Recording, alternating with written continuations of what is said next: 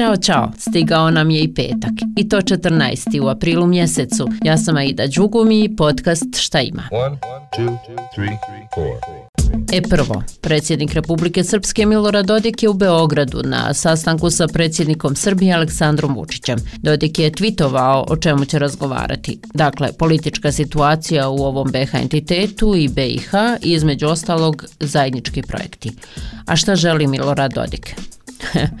o tome slušajte u drugom podcastu za vir ispod površine moje drage Lejle Omeragić-Čatić koja vas srdačno pozdravlja ovoga puta.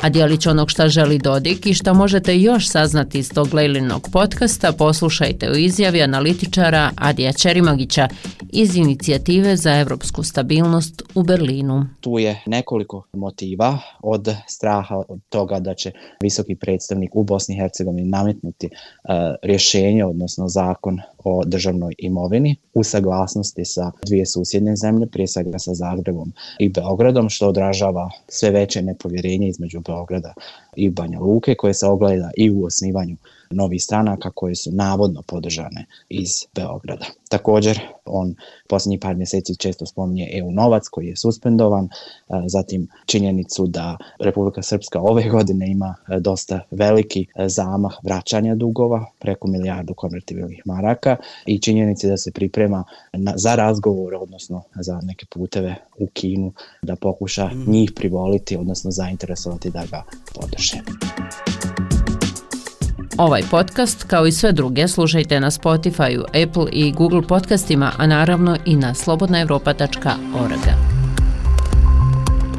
A šta ima još?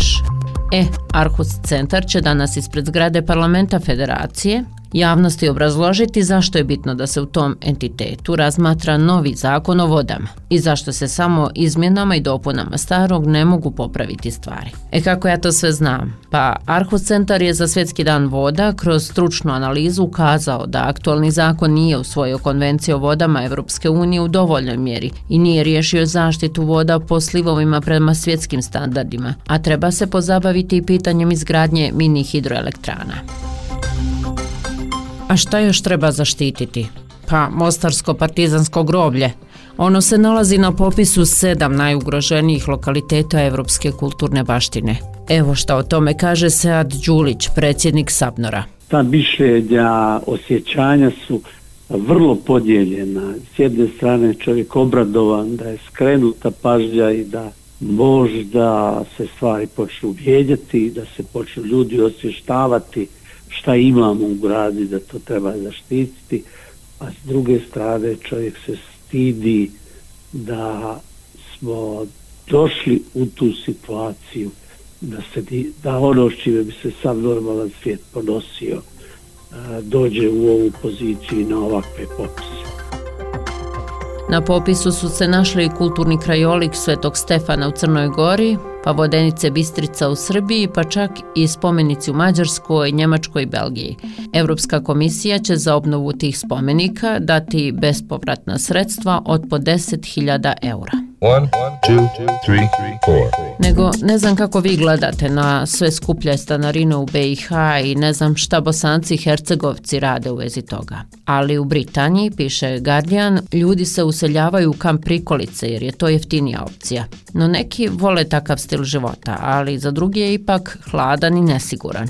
No sve je popularniji. Prema Uredu za nacionalnu statistiku, 2021. godine u Engleskoj Velsu živjelo je 104.000 domaćinstava u kamp kućicama ili drugim privremenim objektima. 19.000 više nego prije jedne decenije. Da ja više ne dužim, pozdravljam vas i želim vam ugodan vikend.